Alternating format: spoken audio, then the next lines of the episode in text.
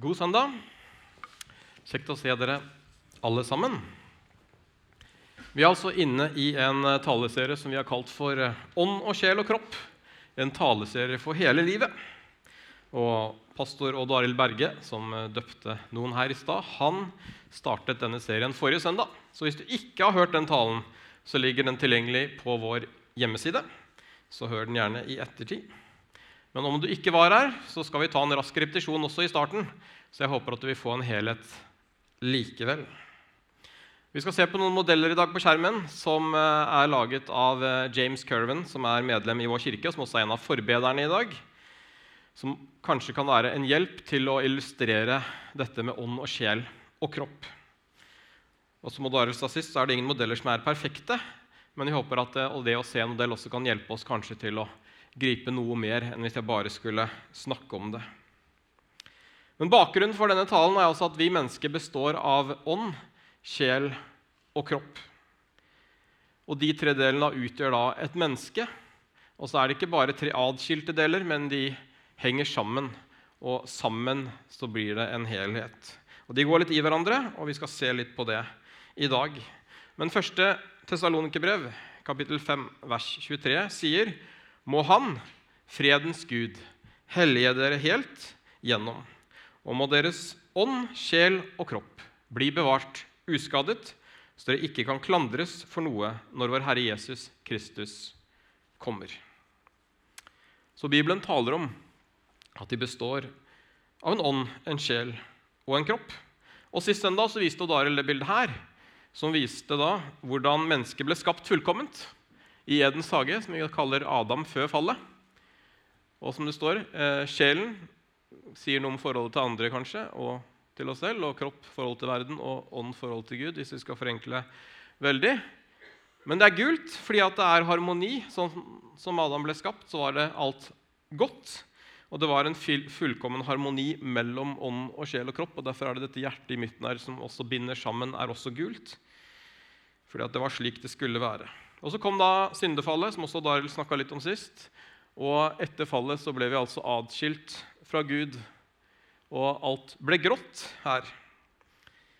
Fordi at når mennesket spiste av treet i Edens hage, så tok mennesket det første valget, hvor man selv ønsket å være som Gud ved å ta et eget valg som man egentlig ikke hadde fått lov til av Gud. Og Det som da før som sagt var harmoni og gult og alt var bra, det ble grått og trist. Og det var selvet, derfor markert med en S i hjertet, som tok styringen. Og mennesket ble selvbestemmende. Og dette selvet, og dette med at vi vil bestemme selv, er jo da også opphavet til all synd. Det at selvet vil råde istedenfor at Gud får råde i oss. Så menneskets tilstand i dag er altså slik hvor man i utgangspunktet da er atskilt fra Gud, men levende fra åndsmakter, med de utfordringer som det kan føre med seg. Og så har vi en sjel som vi kanskje lett kan kjenne på utilstrekkelighet. For i oss selv så blir vi jo aldri fornøyd, vi blir jo aldri tilfredsstilt eh, på samme måten. Og det kan fort få en del utslag i eh, skyldfølelse, skam, bekymring, frykt og tvil i sjelen. Eh, og I tillegg så er det et press fra verden rundt oss på dette med suksess, pengejag og alle tingene her, som også kan sørge for at hjertet vårt, som da råder av selvet, blir stressa.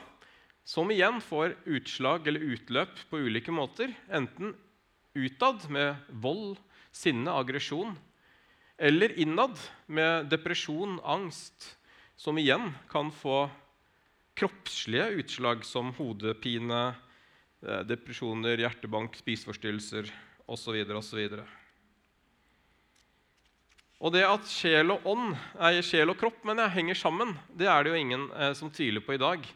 Eh, som eh, vi også vet at Hvis vi gruer oss til noe veldig, så kan vi få vondt i magen. Altså, ting som på en måte skjer i, i sjelen, kan påvirke kroppen. Det er det ingen som tviler om. Men det er kanskje ikke så mye fokus på hvordan ånd og sjel henger sammen i verden i dag. Og Det kan jo skape da noen utfordringer når vi på en måte ikke er bevisst at vi også har en åndelig dimensjon. Johan Gåsvatn skrev en artikkel for noen år siden at alle mennesker har tre dimensjoner. Den fysiske, altså kroppen, som er akseptert og godt kjent. Vi vet alle at vi består av en, en kropp. Og så har du den eh, psykiske, eller sjelen, da, som vi kaller den her, dimensjonen, som også er akseptert, men kanskje noe mindre kjent. Men som det kanskje har blitt mer fokus på de siste tiårene. At det er mer akseptert å snakke om sjelen, og om at vi kanskje sliter psykisk. At det er kanskje mer akseptabelt å gå til psykolog sånn, enn det var i før i tiden. Så det har blitt mer fokus på den på en positiv måte. Og så har du den tredje dimensjonen, den åndelige, som det kanskje fokuseres mindre og mindre på, og som det snakkes mindre og mindre om. Mye pga. at staten i dag ønsker å si at dette med ånd det er, og tro og alt det her, det er noe privat og noe vi ikke på en måte skal snakke om offentlig. Og det er klart at Hvis vi mennesker består av en åndsdimensjon, og vi samtidig prøver å fornekte at vi gjør det, så kan det få noen uheldige utslag i våre liv. Bl.a. fordi at behovet fortsatt ligger der. Om vi ikke fyller det tomrommet med ånd, så vil vi ofte prøve å fylle det med andre ting, som karrierejag, penger, status, sex osv. Som igjen kan forklare hvorfor det kanskje er så mange mennesker som kjenner på tomhet, selv om vi har det egentlig ganske godt. Og Mange statistikker viser jo også det at mange sliter mer og mer her i sjelen, selv om vi har det veldig godt i Norge. Og Kanskje så er det fordi at vi ikke fokuserer så mye på den dimensjonen som har med ånd å gjøre, og det behovet som jeg tror at alle mennesker har. Man var nok litt mer oppmerksom på disse tre dimensjonene på de første kristnes tid. Men så skjedde det kanskje noe over tid i historien. og han, Johannes Gåsvatn han skriver også videre om de første kristne og deres åndelighet, og hvordan åndeligheten etter hvert ble presset og nærmest skviset ut av kirken etter hvert som den ble organisert. Og Jeg tror at han har noen poenger. Fordi jeg tror at kanskje det organiserte kirkelivet kunne kvale noe av åndeligheten og den ånden som preget de første kristne. Og Man blir jo ikke automatisk et åndelig menneske av å gå i kirken. Det kan hjelpe oss i rett retning, men det hjelper oss ikke rett i mål, som regel. Men den gode nyheten da, for vår åndsdimensjon det er jo at Bibelen også sier veldig tydelig at ved troen på Jesus Skal vi se, det var ikke Jo, det var den. Så får vi Den hellige ånd i våre liv.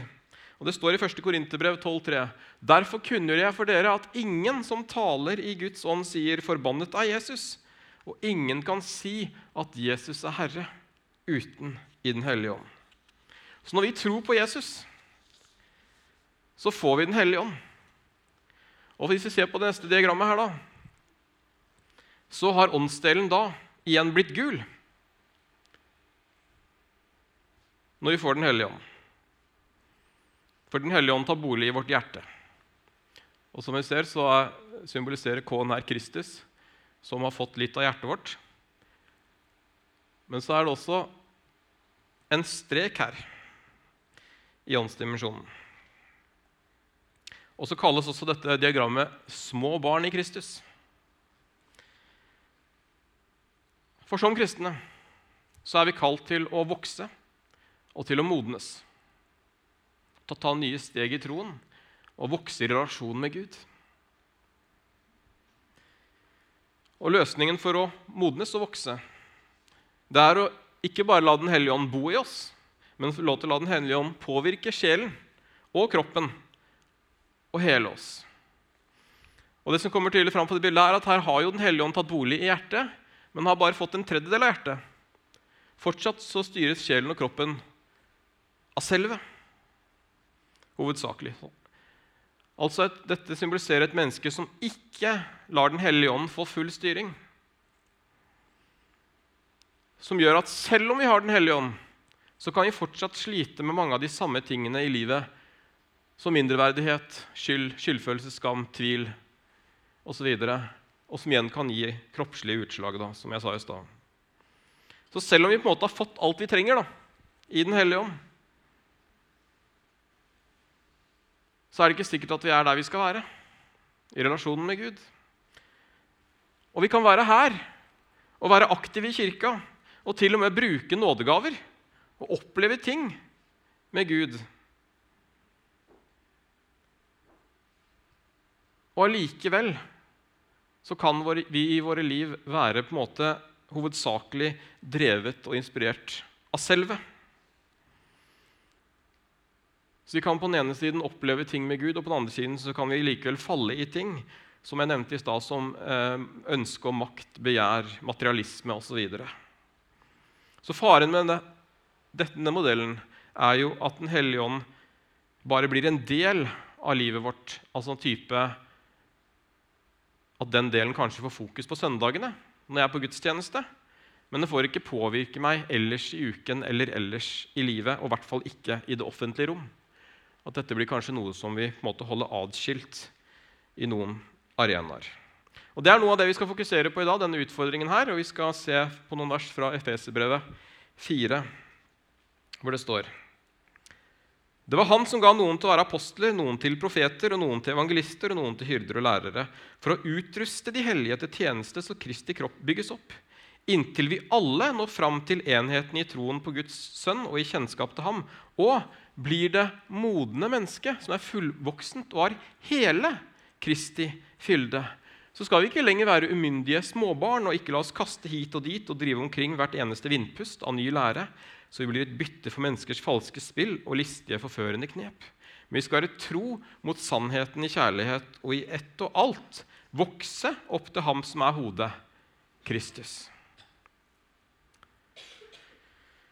Så Paulus, som har skrevet disse versene, han er tydelig at når det gjelder vår åndsdimensjon, så er det snakk om en vekst og en modning frem mot hele Kristi fylde.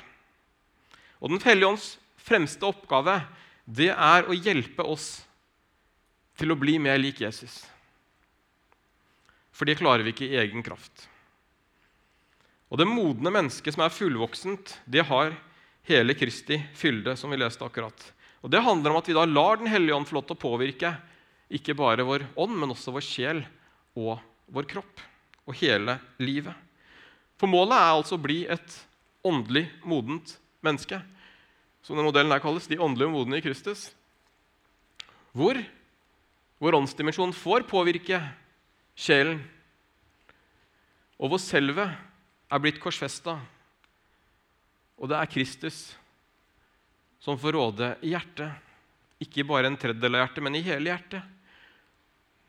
Og På den måten så kan disse sannhetene, som vi kanskje vet, men som ikke påvirker oss, få lov til å ta bolig og feste og bli sannheter. F.eks. identiteten vår, hvem vi er. Og Forskjellen på dette diagrammet og det forrige er jo at ånden altså får påvirke sjelen og kroppen. Og som vi ser, så er sjelen blitt gulere. Og den kan bli enda gulere òg, etter hvert som vi modnes som kristne.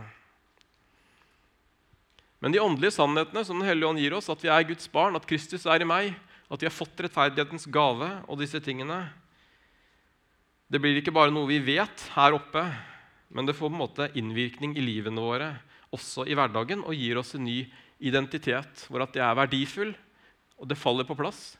At jeg er trygg, erklært uskyldig, og jeg er fri fra syndens makt og selve og strevet. Som igjen kan da føre til at eh, vi kan få fred og glede istedenfor eh, depresjon og angst. Og vi kan få lov til å oppleve helse og legedom i kroppen istedenfor hodepine, vondt i magen og alle disse tingene her. Og det kan også få utløp i kjærlighet utad. Som vi skal se litt på etterpå. Kroppen er fortsatt grå nå. Og det er fordi at uh, vår kjødelige kropp den, uh, har en begrenset uh, levetid. Og en eller annen dag så vil den gå til grunne, uansett hvor mye vi er fylt av Guds ånd. Kan, det kunne vært noen gule streker inn der som viser at vi kan oppleve helse, vi kan oppleve legedom. Men vi er ikke garantert at vi alltid skal være friske i kroppen fordi om vi har Guds ånd.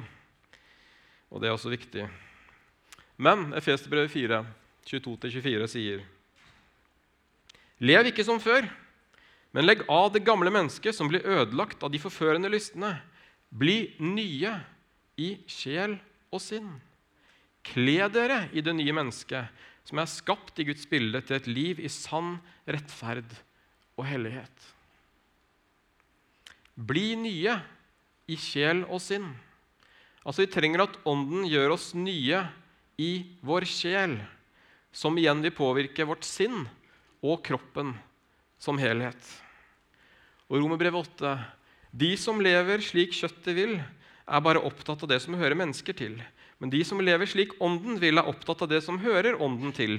For det kjøttet vil, er død, men det Ånden vil, er liv og fred. Og videre i vers 11 i Rombrevet 8.: Han reiste Jesus opp fra de døde, og dersom Hans ånd bor i dere, skal Han som reiste Kristus opp fra de døde, også gi deres dødelige kropp liv ved sin ånd, som bor i dere. Og vers 14, 15 og 16 sier alle som drives av Guds ånd, er Guds barn. Dere har ikke fått den ånden som slavene har, så dere igjen skulle være redde. Nei, dere har fått ånden som gir rett til å være Guds barn, den som gjør at vi roper 'Abba, far'. Ånden selv vitner sammen med vår ånd om at vi er Guds barn. Det handler ikke bare om å ha Den hellige ånd, det handler om å drives av Guds ånd. For alle som drives av Guds ånd, er Guds barn, står det. Og Hvis vi går tilbake til den åndelige modne Når vi lar Ånden drive oss og få påvirke sjel og kropp,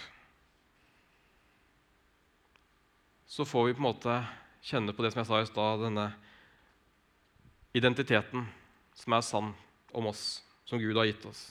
Vi kan kjenne på fred som sagt, istedenfor angst. Vi kan kjenne på glede istedenfor uro. Og vi kan få lov til å se at uh, hva springer ut? Jo, kjærlighet. Eller åndens frukt kan bli resultat av et åndsfylt hjerte.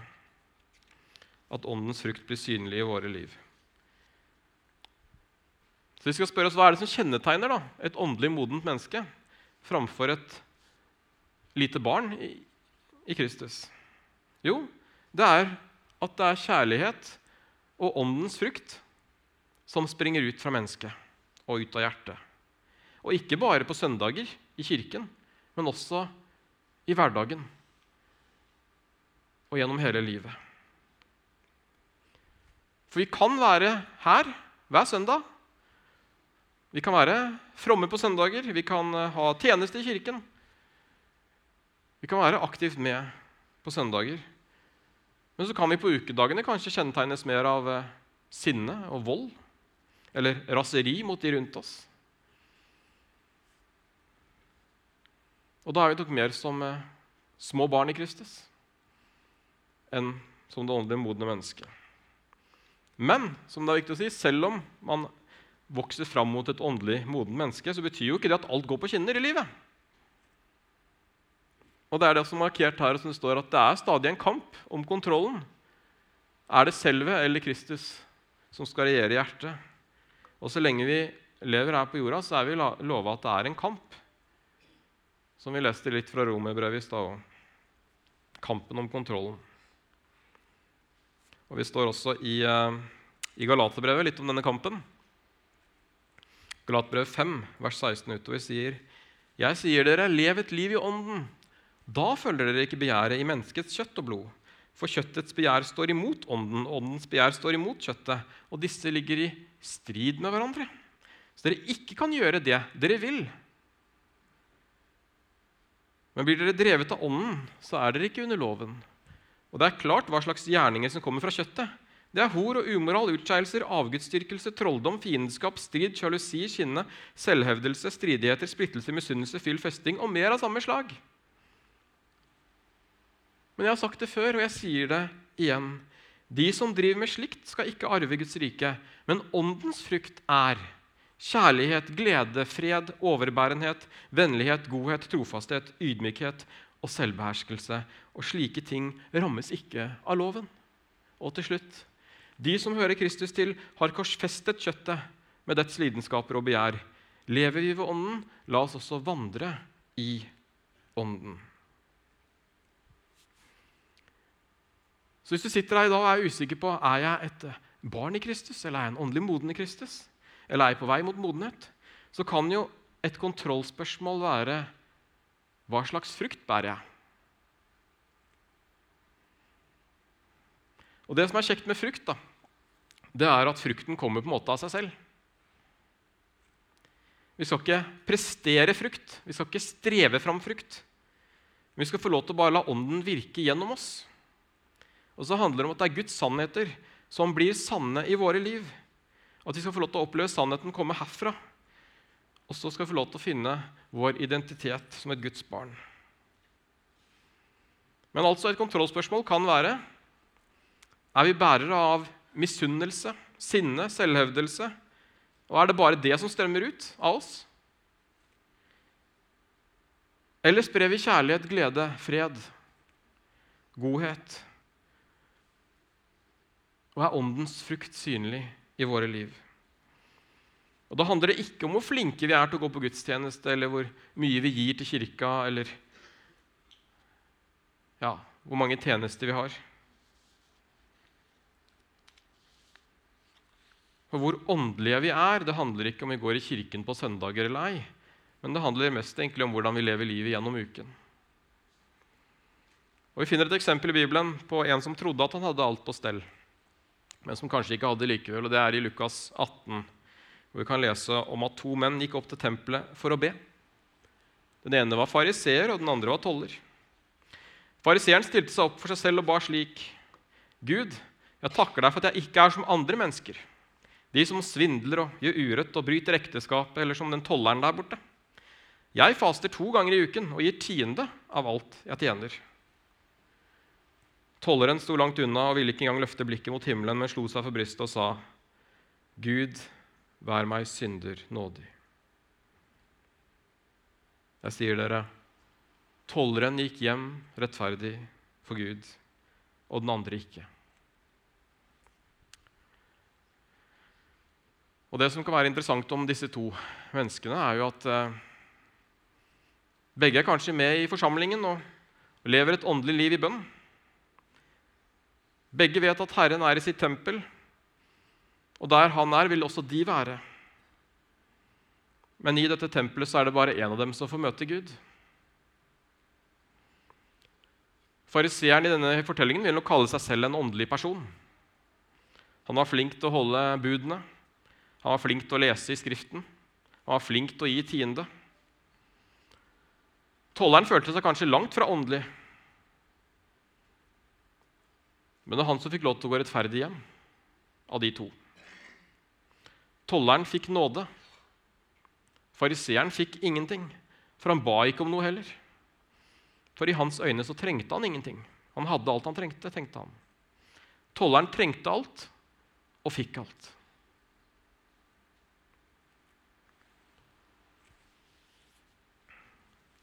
Vi skal gå mot uh, slutt etter hvert, men uh,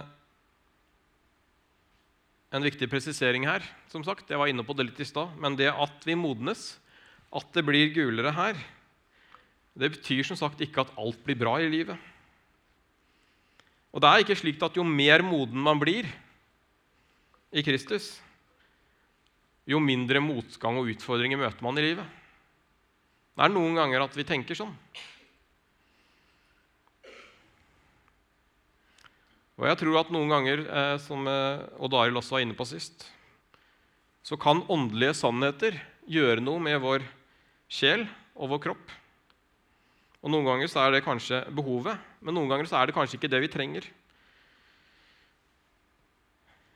Og Vi er ikke som sagt lovet frihet fra alle sykdommer og kroppslige plager bare vi lar Guds ånd råde i våre liv. Og det er ikke slik at om Hvis du blir syk, så er det fordi at du ikke er åndelig moden nok, eller at du ikke tror nok. For det er som sagt viktig at det ikke blir prestasjon.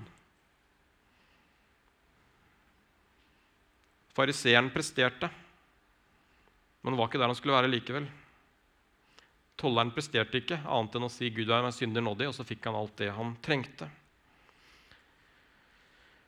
Jesus sa, 'Kom til meg, alle dere som strever og bærer tunge byrder, og jeg vil gi dere hvile.' Uansett hva vi opplever som vi har lyst til å legge av oss, så kan vi få lov til å legge det på Han. Og det er det som er det gode. Og så kan vi få lov til å oppleve noen ganger at Jesus tar det på seg, det vi sliter med, eller det vi bærer på. Og så er det kanskje noen ganger han ikke gjør det. Og det som er viktig, som sagt, er at vi ikke tenker at det har med vår åndelighet å gjøre. Hvis vi har lagt det på Jesus, så har vi gjort det vi skal gjøre.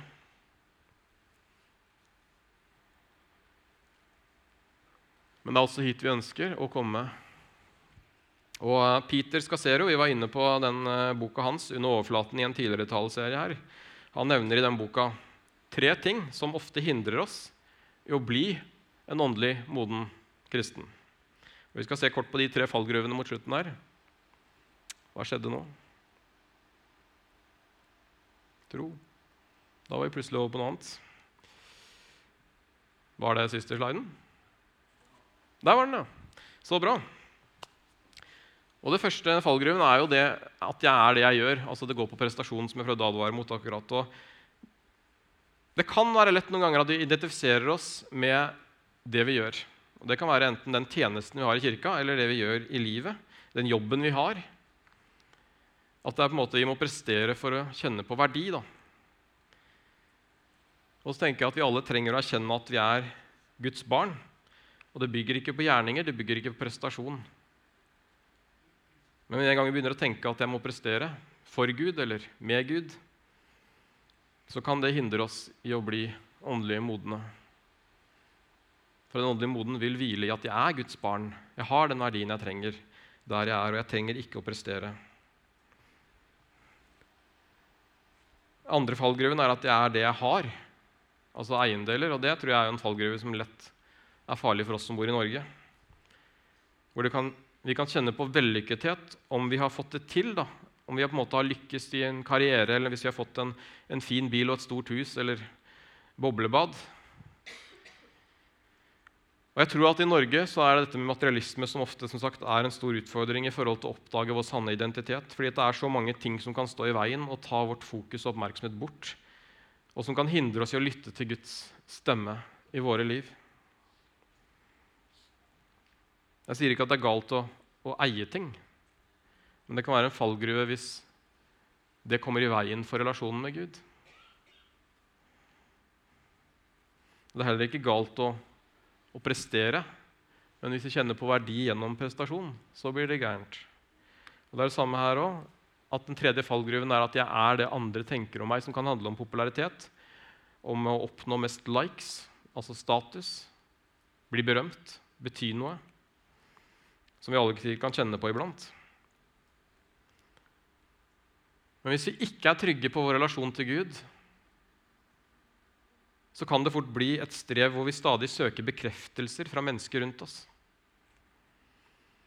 Og at de på en måte får verdi gjennom at andre ser meg, andre bekrefter meg, andre trykker 'like' min Facebook-post. Og Det kan også bli en veldig slitsom måte å leve på. Og Hvis vi skal bygge vår identitet på andres meninger om oss, så ligger alt til rette for et veldig turbulent liv og en usikker identitet. Fordi at mange av meningene rundt oss vil alltid stadig skifte.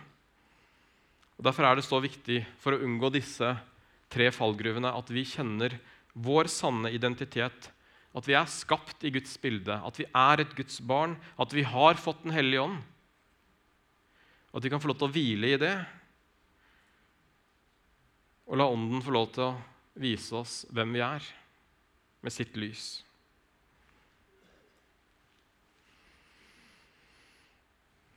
Og Disse tre tingene kan være noe av utfordringen, men det kan også være andre ting. Og Jeg har lyst til å oppmuntre dere nå mot slutten at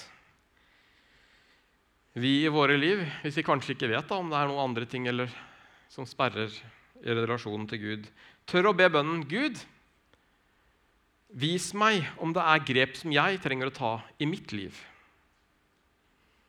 Og Ofte så kan det kanskje være enkle svar vi får.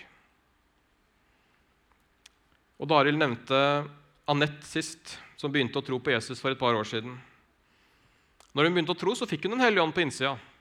Sånn som vi så på diagrammet i sted. Hun fikk oppleve fred en periode. Men så kom frykten og angsten tilbake. Og for Hun var på mange måter her. da. Hun hadde fått Den hellige ånd, hun var blitt kristen. Men hun var fortsatt kanskje et lite barn i Kristus. Og så etter hvert så begynner han å tvile, for dette var jo en kamp her. da. Og så begynte hun å kjenne på litt frykt og mørkeredd og litt forskjellige ting. Men forskjellen nå, og det som er den gode nyheten til oss som er her, da, det er at vi har jo Den hellige ånd. Og hvis vi velger å lytte til Den hellige ånd, så kan han peke på ting i livene våre. Og det skjedde med Anette. Og Den hellige ånd hvisket til henne at hun skulle døpe seg. Selv om hun visste lite da hva dåp egentlig innebar, så kjente hun ja, jeg må døpe meg. Og Hun døpte seg slik som vi har fått lov til å se noen har gjort her i dag. Og Hun forteller om et tydelig før og etter dåpen. Om hvordan noe løsna her kanskje i dåpen, og hun fikk lov til å ta og flytte noe herfra og ned hit, i hjertet. Og så fikk hun fred og ro i hjertet.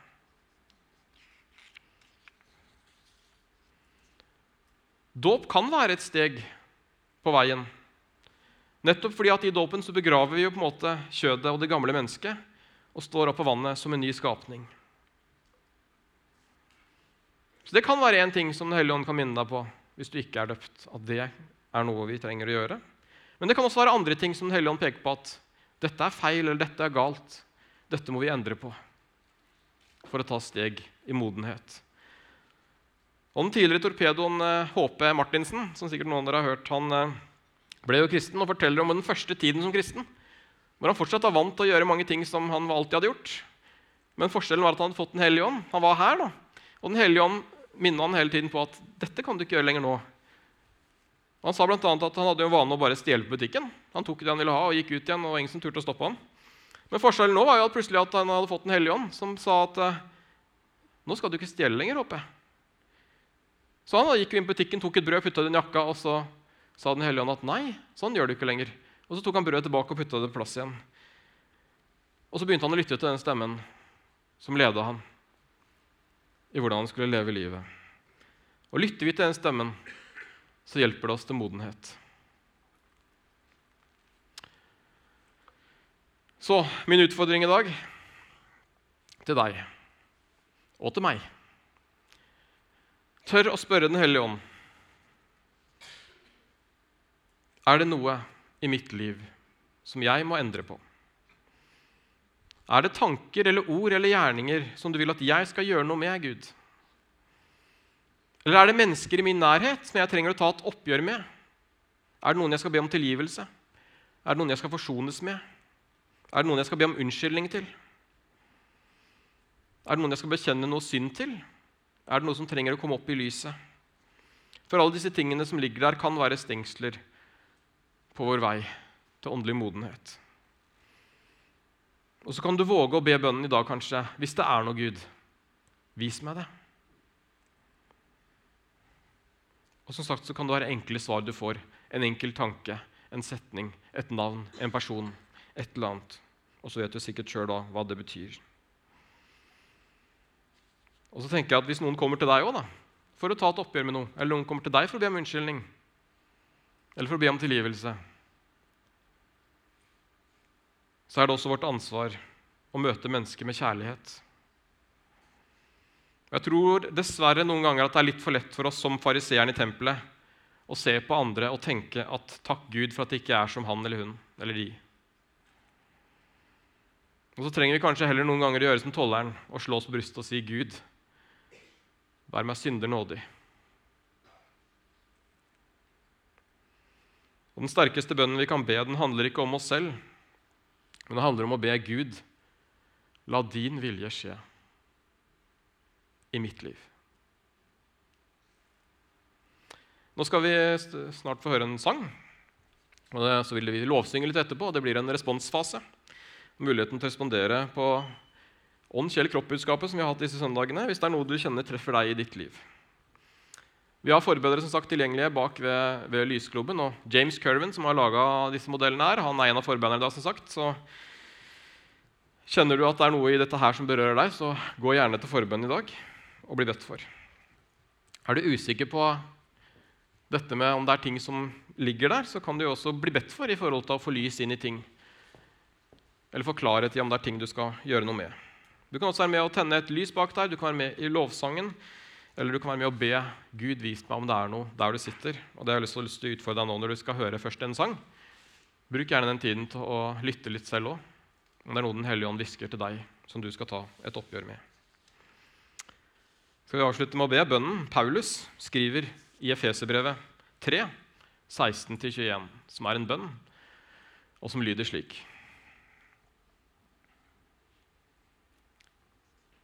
Jeg ber om at Han etter sin herlighets rikdom og ved sin ånd må gi dere å styrkes med kraft i det indre mennesket. At Kristus må bo ved troen i deres hjerter, for at dere rotfestet og grunnfestet i kjærlighet, sammen med alle de hellige, kan være i stand til å fatte hva bredde og lengde, høyde og dybde er, og at dere må kjenne Kristi kjærlighet som overgår all kunnskap, så dere kan bli fylt til hele Guds fylde.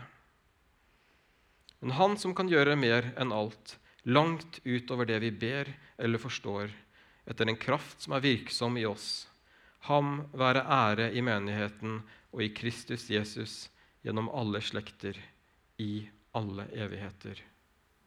Amen.